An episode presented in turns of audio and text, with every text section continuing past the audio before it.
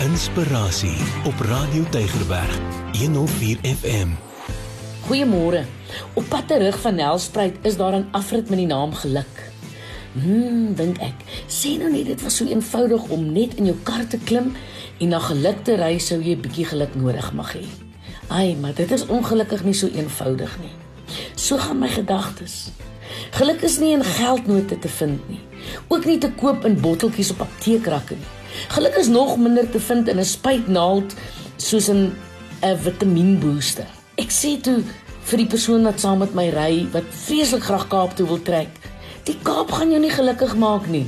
Om te dink dat 'n plek goed of iemand jou gelukkig kan maak, is tog net 'n illusie man. Daar was ook 'n tyd in my lewe wat ek gedink het as ek net daardie groot liefde kan vind wat my voete feesies laat maak of ek my eie besigheid het of as ek die dag op televisie my ontdekte waarhede met ander mense kan deel sal dit my so gelukkig maak. Die realiteit is dat ek moes ontdek dat geen iets of iemand jou werklik gelukkig kan maak nie, blywend gelukkig kan maak nie.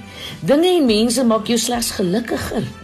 Die lewe se diepste geluk lê in die lewe se diepste verhouding die met God in sy seun Jesus Christus. Slegs wanneer ek of ons onwrikbaar in Christus gesetel is, kan ons waarlik gelukkig wees. Ten spyte van die gejaagde en 'n deurmekaar wêreld met sy konstante uitdagings.